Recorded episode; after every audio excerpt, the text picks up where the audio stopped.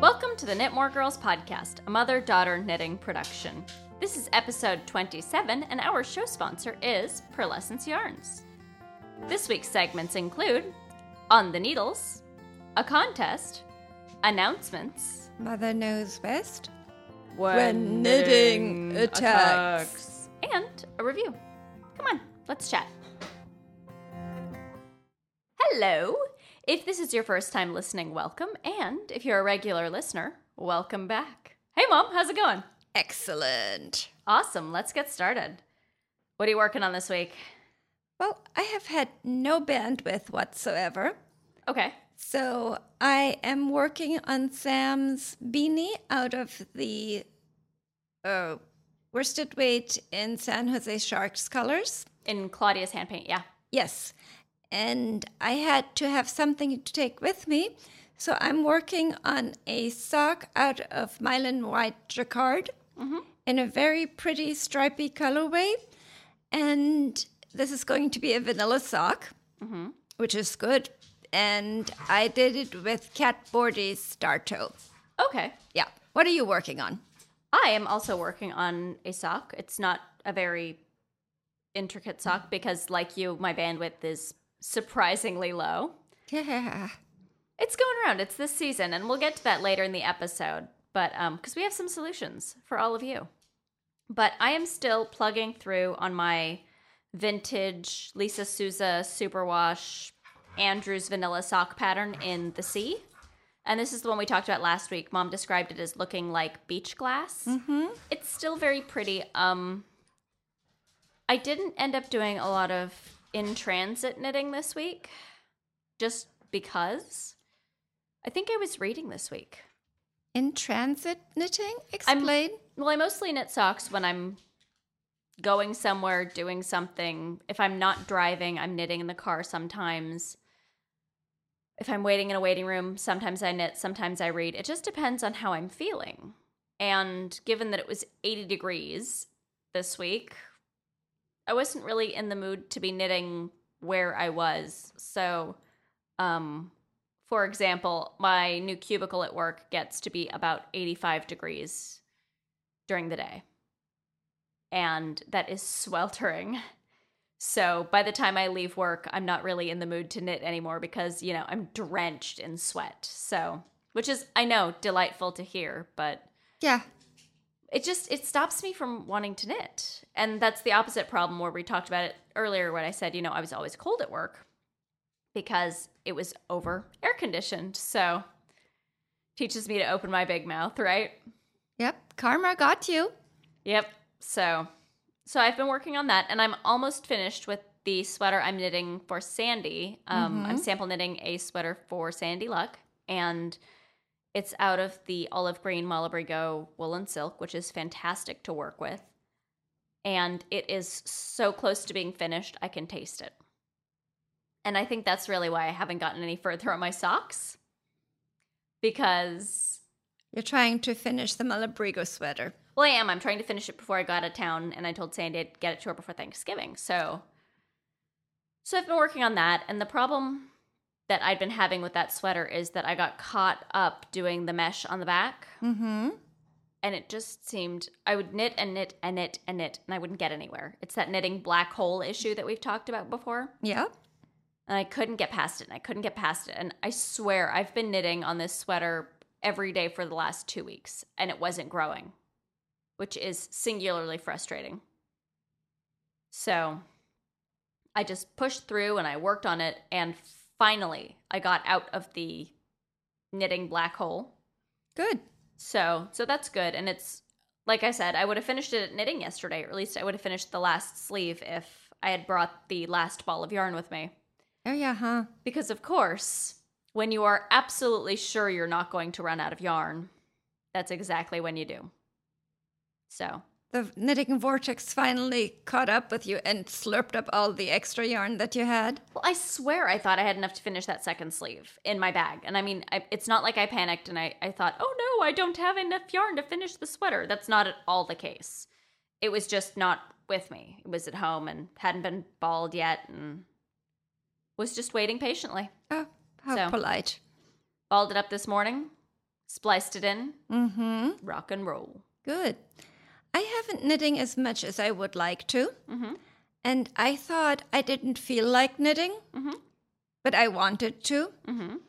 And when I don't feel like knitting, but I really want to, Mm-hmm. I need to pay attention because that needs I need to dip my hands in wax Mm-hmm.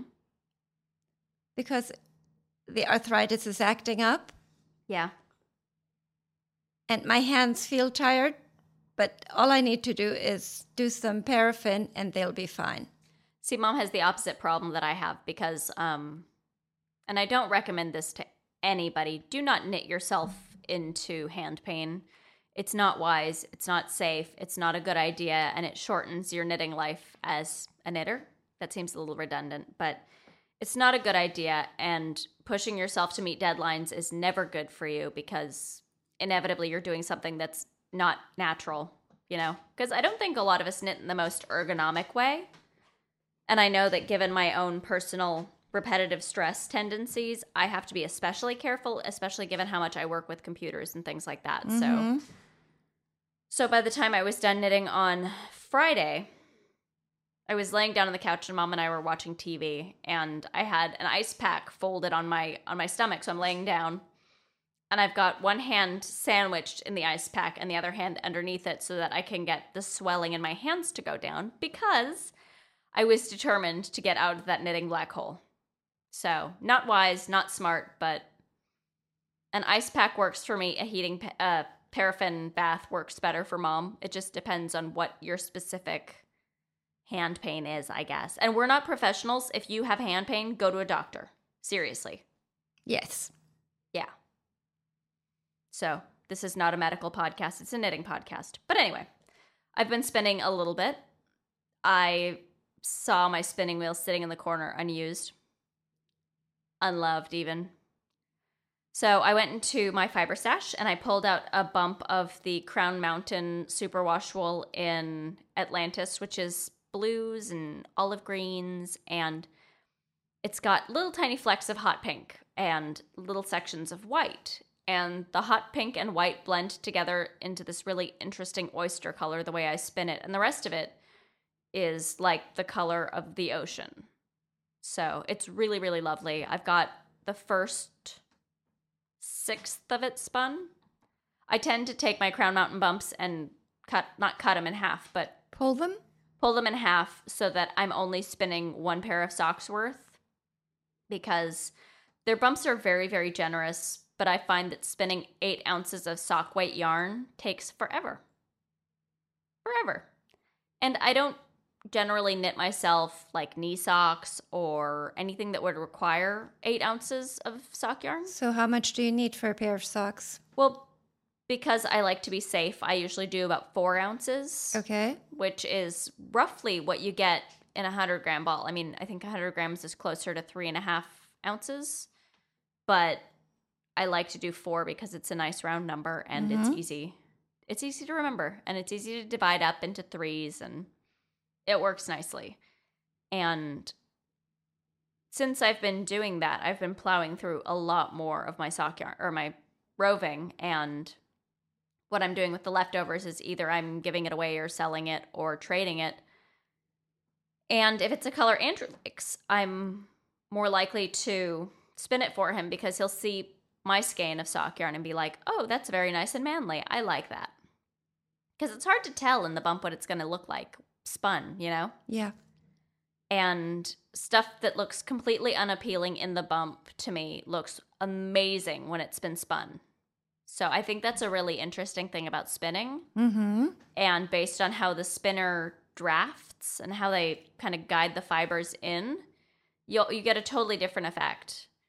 Um, a couple months ago, I was sitting next to Nathania at Purlescence, and we were spinning, and I was watching how she drafted the roving Mm-hmm. and she drafts very differently than I do. My I think my colors end up a lot more marled Mm-hmm. and blendy, and Nathania's kind of keep their integrity. So we're basically spinning the same thing, and it looks very different. So it's just another way of personalizing your yarn, I think, because if knitting isn't personalized enough for you, try spinning. I think. it's just a really different way of dealing with color and texture and all that good stuff. So it turns out better than you even visualize it. A lot of the time it does because the colors just they do what they're going to do as far as I'm concerned. I'm not one of those spinners who's very meticulous about well, anything. I just try and do a good job, you know? So some spinners, the way Crown Mountain sells their hand spun sock yarn is they divide up the light sections and the dark the dark sections and they do one ply of light and one ply of dark and then put it together. Okay. And it's very pretty and I like how it looks, Mm-hmm. but I'm not a big fan of two ply sock yarns. I happen to like three ply sock yarns a lot better. I think they wear a little bit better Okay. and they're rounder. Mm-hmm. So they kind of fill in those holes. I like two ply yarns for lace and things that are meant to open Okay. because a two ply yarn is flatter Yes. and a three ply yarn makes. I'm making a triangle with my hands, which is kind of ridiculous because none of you can see me. Um, but three plies makes a nice, tidy triangle rounder yarn situation, and it's really mm-hmm. pretty. So, and Judith said so. Judith Mackenzie said so. So, Her word is gospel when it comes to spinning.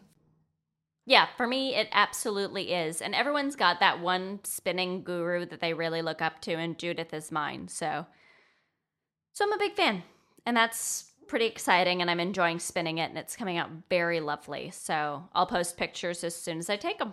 Good. Speaking of gurus and awesome people, we're going to talk about our contest a little bit. We are still running our Do Some Good contest. I think I'd like to run it through the beginning of the new year. I know that's a really long time to run a contest, but the holiday season is kind of crazy, and I can't promise that we'll be organized enough to get to it before the first of the year. So, if you haven't heard about the Do Some Good contest, basically we are trying to encourage knitters to do some good either on a global level or on a local level. And when you do, you ping us an email and we put you in the bucket, and you can win one of three signed copies of Free Range Knitter by Stephanie Pearl McPhee.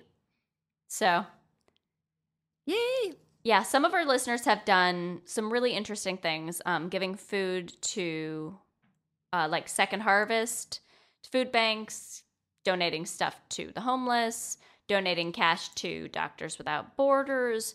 Um, if you give to Doctors Without Borders, do email Stephanie and CC us on your email so that she can keep the tally of how much she's raised for Doctors Without Borders. And we can also include you in our contest. So that's going to be awesome. And episode 28 is going to air on Sunday, November 23rd, which is my mm-hmm. birthday episode. Yay. And as a gift to you, the listeners, we will be airing our interview with Stephanie, the yarn harlot, in that. And I also found a video I took of her at the Maker Faire knitting. So you can take a look at her Irish cottage technique and knit like the wind, I suppose. Because she's quick. Made my eyes cross to watch her. Yeah. She knits so fast. It's really like a blur. So I hope you guys look forward to that. In other announcements, um, I wanted to pass on that the Yarn Thing and Knaked Knits holiday Cal Cal deadline has been extended to Thanksgiving. So if you wanted to participate and you missed the last deadline, you still have time. Uh, Thanksgiving is November 27th, so get on there and join. Additionally, we got a lot of feedback about our review of the Knitting Circle. yes. And while some people agreed with us and some people didn't agree with us, I thought it was a really excellent example of how knitters speak up. Good. And that's nice because we get a lot of feedback and or we got a lot of feedback from this and we don't normally get a ton of feedback about what we talk about. So it makes me think like maybe we should say controversial things all the time so people speak up and have their voices heard, but I'm not going to stir the pot like that. I'm going to be honest and take your guys' feedback and, you know, reply. The one that really stuck out for me was um, Andrea was pinging me on Ravelry and talking about how what her experience was with reading the book. And the one quote that really I pulled out from our, our back and forth conversation was this. Andrea wrote, From my perspective, the book does have some value for readers who have experienced loss and is also helpful to their families and friends by showing that we all grieve differently and it can be a difficult process. I couldn't agree more. I just found it a little too painful for my for my own taste. So, thank you for all of your feedback, all of the listeners. Thank you, Andrea, for your articulate response, and I look forward to doing more book reviews because Mhm. everyone has opinions, and I really love when people are impassioned about what they're talking about, whether it's good or bad. So, It makes for interesting conversation. it does, and it really does make this seem more like a conversation, not just between mom and me, but really a conversation with all of you listening too. Because honestly, when we sit down and record, sometimes it feels like we're just talking to each other with a bunch with a bunch of funny equipment, you know. Yes. So, thank you. Send us your feedback, whether it's good or bad. We want to hear it all. So, thank you. And now, a word from our sponsors. Purlescence Yarns offers the finest in knitting, crocheting, and spinning supplies in the Bay Area.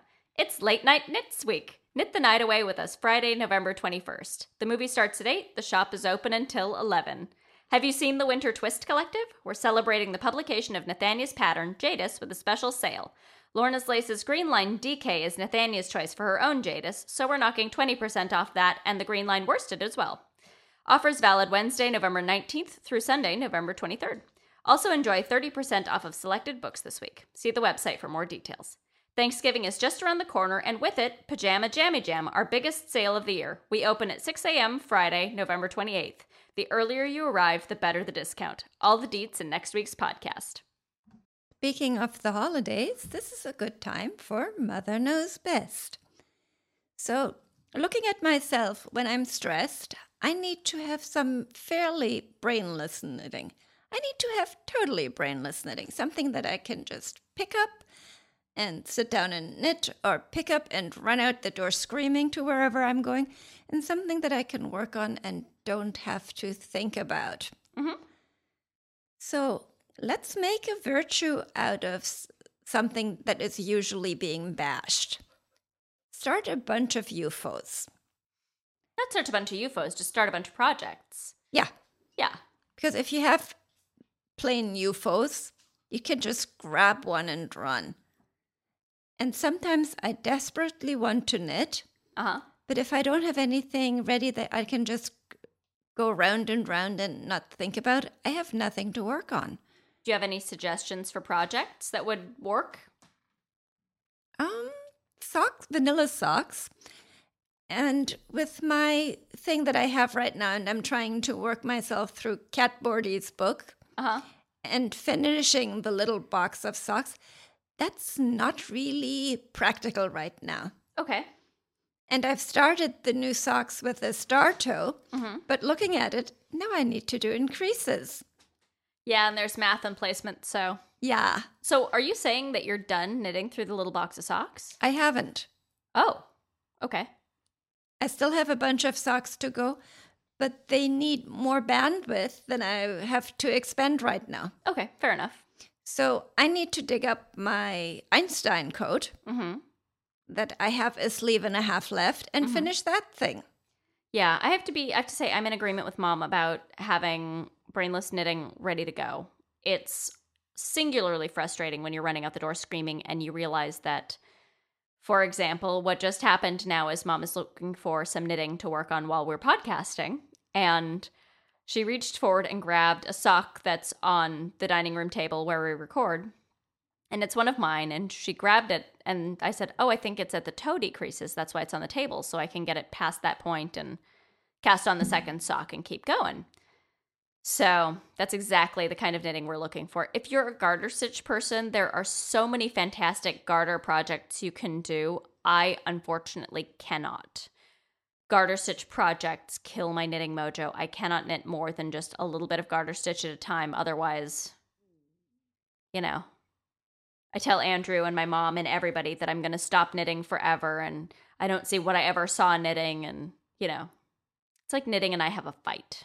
Uh huh. So, stockinette is really my mindless stitch pattern of preference or just some ribbing. And there are loads of sweater patterns you can do that have miles and miles and miles of. And do you want to tell me why stockinette is okay in the round, but garter stitch flat isn't? No, I don't know. I think it's my brain chemistry. Okay. I don't know. I can't explain it. I don't know anybody else like me who has such a, an aversion to garter stitch. Because I knitted a number of things of Sally Melville's The Knit Stitch. Mhm. And when we were working at the yarn store, it mm-hmm. was perfect. Yeah. Because I could just pick it up and put it down if I had to take care of a customer. yep. Worked very well. Yeah. Socks and hats are really my default thing, so I cannot do garter stitch. So Okay. there you go. Have your holiday knitting ready. I know that this time of year can be stressful for a lot of people. So keep an eye on your gauge. Don't drink and knit. I should say, don't drink heavily and knit because too many drinks equals messed up gauge and knitting problems that you don't want to fix the next day. Yep. So that's our mother knows best.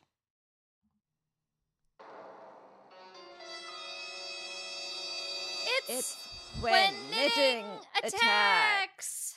Um, Yep. it's time to tell them. Tell them how your knitting attacked you. Well, it doesn't help when I don't read the notes I write myself. I had started a beanie for your brother, Mm-hmm. and you had said, Mom, 88 stitches is a good thing. Yeah. And I wrote it on the label and sat down and cast on eight stitches less. Oh, that's not good. No. And I was almost done and looked at it and had all this yarn over, and I would rather have more stretch in the hat than a ball of leftover yarn. So I ripped it all back. Yeah, mom had like eight inches of hat that she ripped out because she had me try it on because Sam and I both have pretty similarly sized heads. And it was a little snug. And the problem with slightly snug hats is that they can give you a headache if they're just mm-hmm. a little bit too tight. So, are you almost finished with it? Yep. Sweet. That's it? That's your only one knitting attack? No, I also got bit on the toe. Bit on the toe. You got bit on the toe? Knitting bit me on the toe. Oh dear. Um, the star toe. Mm-hmm. We were going somewhere, and I grabbed my knitting and really fast looked at the toe up pattern in Cat Bordhi's book, Uh-huh. tried to memorize it, and ran out the door. Well, didn't work. Suggestion when you start something brand new, do it the first time over the book Yeah. you can refer back. So that toe got pulled back twice. And now that I've got the toe knitted, I need to do increases that I don't have the bandwidth for. It's okay. Ugh. It'll come back. I'm kind of tired of myself. I brought back a whole bag of socks that need to have ends woven in, Mm-hmm. but I don't want to do that. I just want to knit. Just knit. We'll find someone else to weave in our ends. If it's not it, they about that. I'm perfectly happy to weave in ends, especially since all the ends need to be woven in so we can take pictures of all these socks. Exactly. But I just want brainless knitting. Fair enough. Do I sound pouty? A little bit. Yeah. It's okay. Thank you. I know what'll get mom out of her pout. We'll talk about the new book we picked up today Custom Knits by Wendy Bernard. Mm-hmm. This is a beautiful, beautiful book. It is. I think there are three things in the book that I don't want to knit. And the rest are fabulous. It's a really big book, so that says something. Mm-hmm.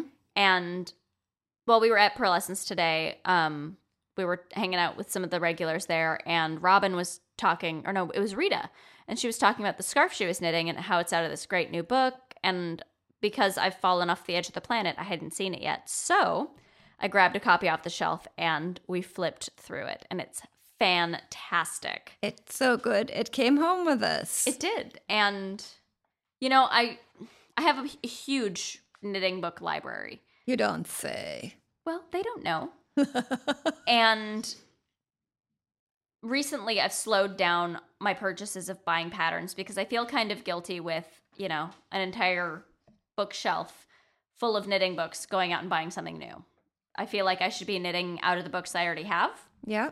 So it has to be something really special to come home with me now if it's a book. Mm-hmm. So, why don't you talk about yours and then I'll talk about mine? Well, I found 10 patterns that were really good candidates. Mm-hmm. And, you know, 10 patterns in a book that for me is really good. And I looked at, at from the point of view is, is this something I can knit and wear to work and look professional? Mm-hmm. And some of the things need a bit of tweaking, like longer sleeves for me, Yeah. but that's no problem. And what I especially like is she has a section for each pattern that is called Make It Your Own. Yeah, I was going to talk about that too. It's really fantastic. Yes. And basically, in Make It Your Own, I'm going to interrupt mom for a minute. She tells you how to change the patterns as they're written with just simple little tidbits. Like, you know, if you want this neckline instead of this line, just mm-hmm. do this. Yeah. So I think that's a really nice touch. Yes. And it makes it easier if you're not used to altering patterns to make it, well, like she says, make it your own. Another thing that she had there was instructions on how to do a body double. Oh In my goodness. If anyone tries to form. convince you to do this, do not do it. Absolutely do it. Mom has tortured me twice that I can remember. Once we did a paper tape body double, and the second time we did a duct tape one. Yeah, and this is a duct tape one. Yeah, no, don't let anyone do this. It looks good in the book. It looks like it's going to work, but you know what? All it does is you'll end in tears and being short of breath. Not at all. You'll have a f- fitting dummy that is your exact double, and you can take measurements and see how the garment hangs by yourself. Except you need to have two friends to help you make a body double. Yeah, it says you just need one, but you really do need two. You need one person cutting tape and handing it, and the other person doing it very quickly. Because once you get to the abdomen part, even if you know how to breathe from your stomach, you just don't have anywhere, the air has nowhere to go. So that very last bit where they're doing the bottom, you have to do it fairly quickly. It's also not comfortable standing that long. Yeah. So that was my problem is it took too long to do the bottom of it and I got short of breath and a little panicky because mm. you feel like you're suffocating very slowly. So The only problem I have with my body double is I had it made about 20 pounds ago. yeah. And the extra 20 pounds, well, I have to pad her now Yeah. to make her look more like the Naomi. Yeah. The thing I really like about this book is that I think it's all neck downs. Yes. And I have to say, I'm a big fan of the neck down sweater. Mm-hmm. I'm not a big fan of sewing seams or setting in sleeves generally, just because it's one more finishing step that keeps me from wearing my garment. And my neck downs the ones I always finish. So Mm-hmm. I really like it. Also, you can try them on while you're knitting. Exactly. And she's got shaping in a lot of these, which I think is a really, really nice thing. Because I'm Yes. so tired of patterns with shapeless shapes without shape. So there's a bunch of stuff. There's a really cute tuxedo vest in here that is adorable. It's really cute. So cute. There's a coat made out of Malabrigo. It's the lettuce coat. Yeah, I looked at that. I think that's something I could wear too. Exactly. And, you know, it's not so daunting to knit a coat out of something that you're knitting on size like nine needles.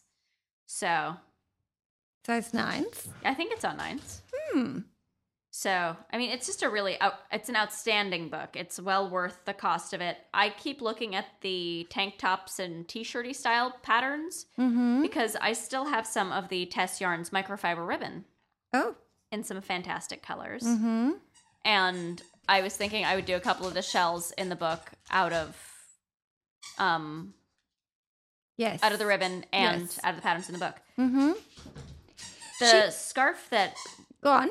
That Rita was working on is the looks good on all sky looks good on all sides scarf and wrap and it's mm-hmm. reversible and it's in I think like a worsted weight yarn and it's mm-hmm. just beautiful in person.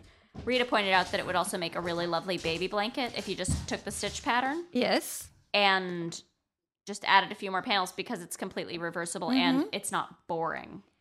I looked at it and it's like a quilting pattern. It would be the equivalent of tumbling blocks. That's I thought that too, but I couldn't remember which one it was. I wanted to say flying geese, but that's not right. No. My favorite one out of the whole book is the favorite cardigan, which is, you know, appropriately named, I suppose. Yes, I like that one too. I'm going to do my cashmere. I think this is going to be my cashmere sweater. Cool. The pink cashmere? The pink cashmere. I don't know if I mentioned this before, but a few months back, Chloe muscled me into buying half off hot pink cashmere. So I've been looking for And she was standing behind you and say, Yes, but look at the definition and the drape. something like that. but I've been looking for, you know, that perfect pattern for it. And I'm not waiting. I feel like a lot of us put the good yarn in our stash on hold for, I don't know, when the Pope comes to visit. Mm-hmm. Just like those of us who don't use our good china, which is really sad. Um, I've been I have a lot of nice fibers in my stash, so I'm trying to make use of them. And Yes. but I don't want to just knit whatever No, because if it's a sweater with a cashmere, it has to be a knockout sweater. absolutely. And this really, really is. It's a lovely, elegant, classic, simple cardigan with a couple mm-hmm. of cables down the front and shaping. And I can see myself wearing this all the time. yes. So I'm really pleased. I think it's it's gonna be fun. Good. I think I'll do full sleeves instead of half sleeves though. Mm-hmm. yeah, everything I looked at that didn't have full sleeves, I thought, I like this and I can make the sleeves longer. Yeah, and that's easy to do, especially with neck downs. Exactly. I think the hardest part about doing sleeves and a neck down is making sure that you don't get that weird extra fabric in the armpit. And I actually I engineered an underarm gusset when I was knitting top down sweaters a couple of years ago and found a way of not having the extra fabric in your armpit because it just feels weird. Mm-hmm.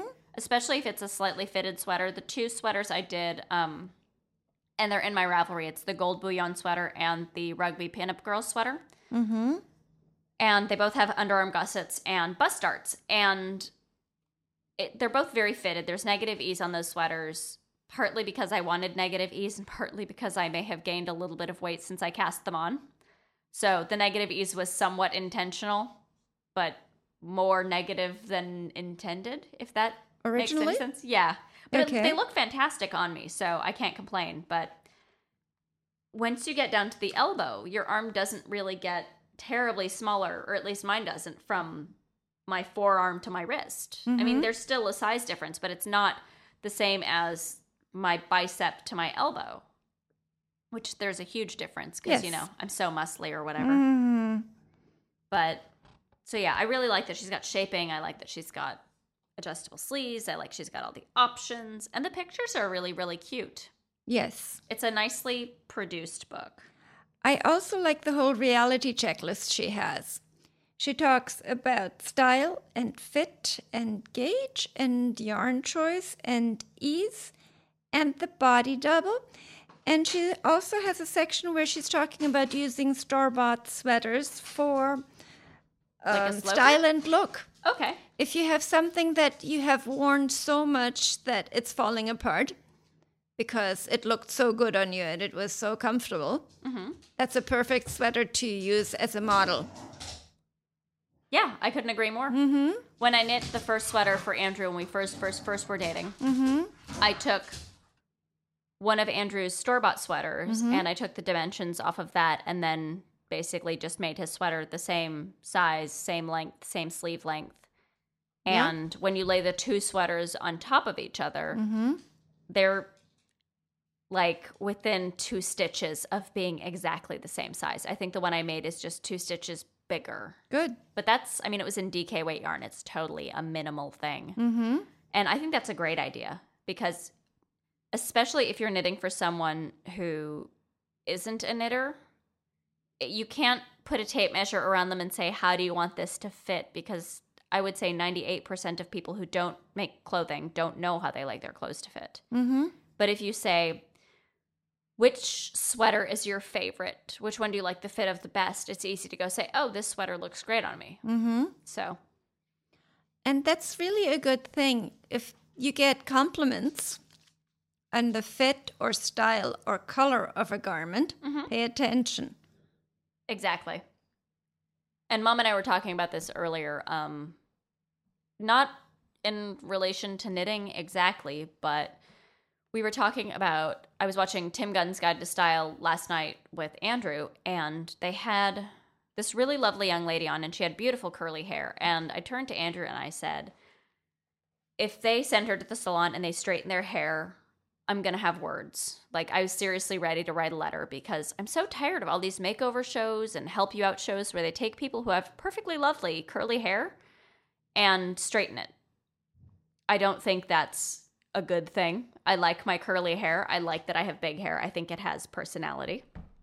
And more than any of that, it's not practical to expect someone with curly hair to spend an hour and a half straightening their hair, 45 minutes straightening their hair so they can look like everybody else.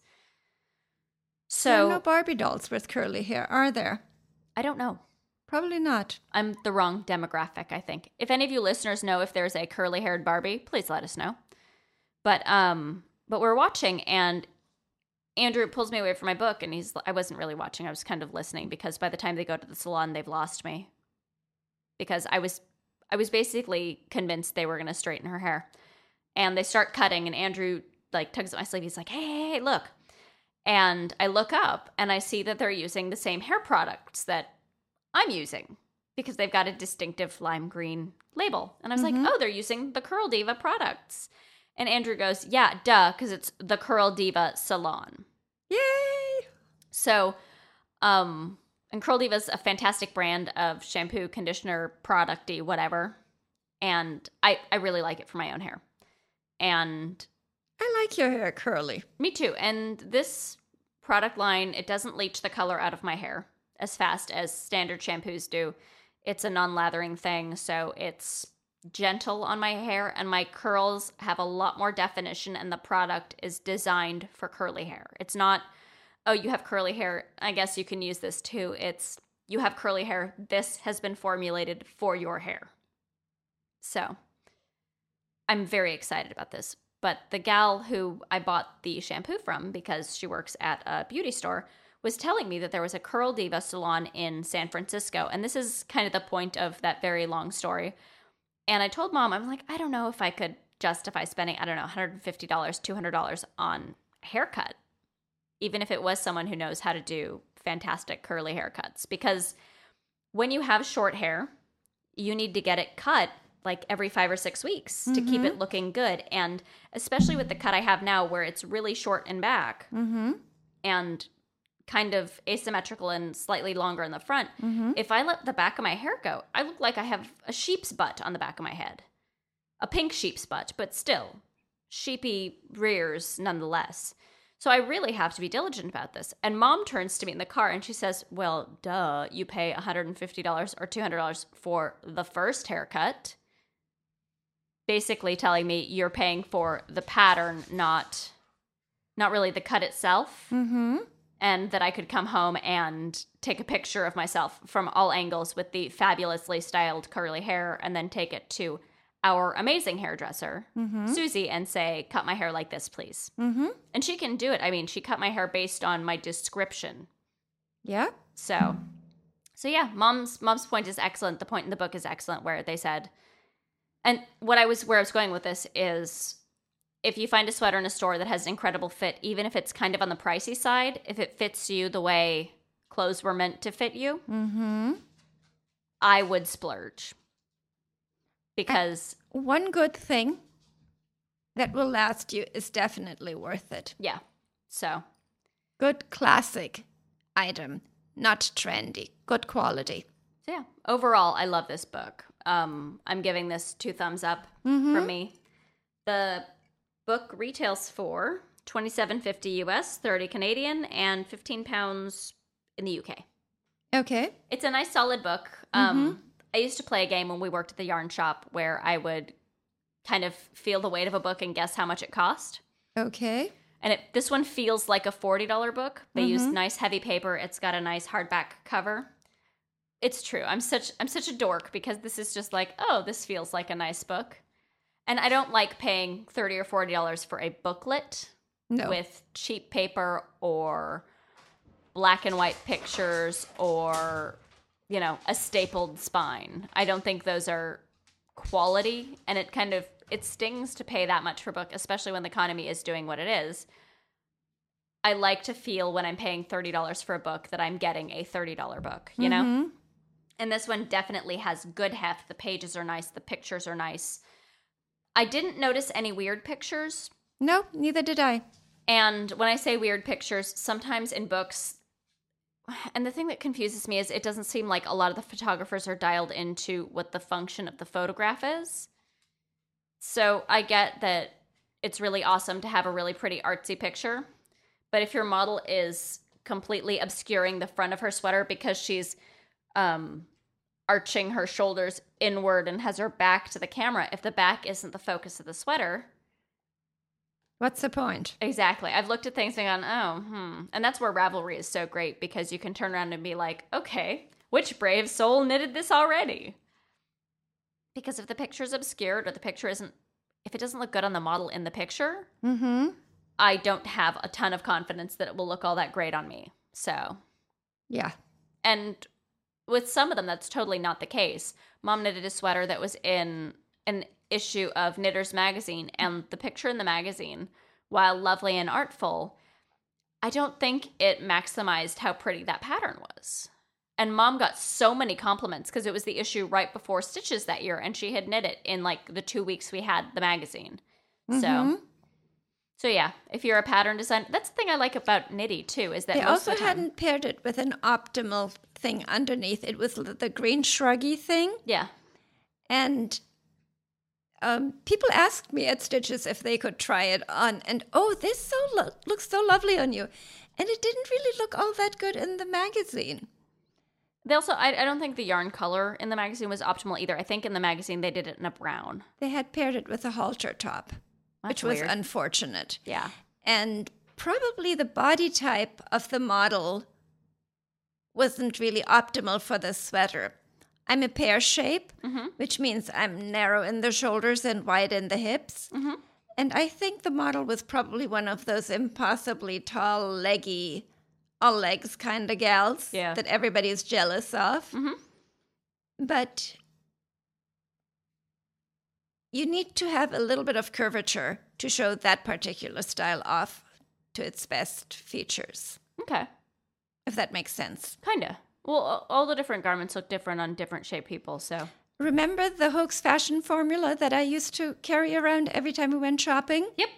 That was a really good book from the 80s. I'll see if I can link it in the show notes. Between that and the shruggy thing, I'm gonna have a really good time compiling the links for this episode. I'm sorry. It's okay. Um, but it's worth it's worth linking to. I'm sure somebody else has knit it in Ravelry, which will make it easier to find. Except shruggy thing is a little vague, I suppose. In any case, um, yeah, I really like this book. Mom really liked this book. If you can get your hands on it at the yarn shop, definitely take a flip through it. If you are willing to buy a book based on our review alone, which don't base it on our review alone, please look at it somewhere Again, we're going to remind you to shop locally if you want to support your local yarn shops. That's a great thing to do if you want to support our show sponsors. I saw that Purlescence had at least five more copies of this on the shelf, so they will be happy to send it to you by mail order. Give them a call. Okay. This week, we'd like to thank show sponsors Purlescence Yarns, you, the listeners, and all of our supporters. As always, show notes can be found at knitmoregirls.blogspot.com and we can be reached via email at knitmoregirls at yahoo.com. You can also find the link to our Ravelry group on our show notes. And remember to stay posted because we'll be airing our interview with the Yarn Harlot in the next episode. Remember, this is Jasmin And Gigi telling you to knit more.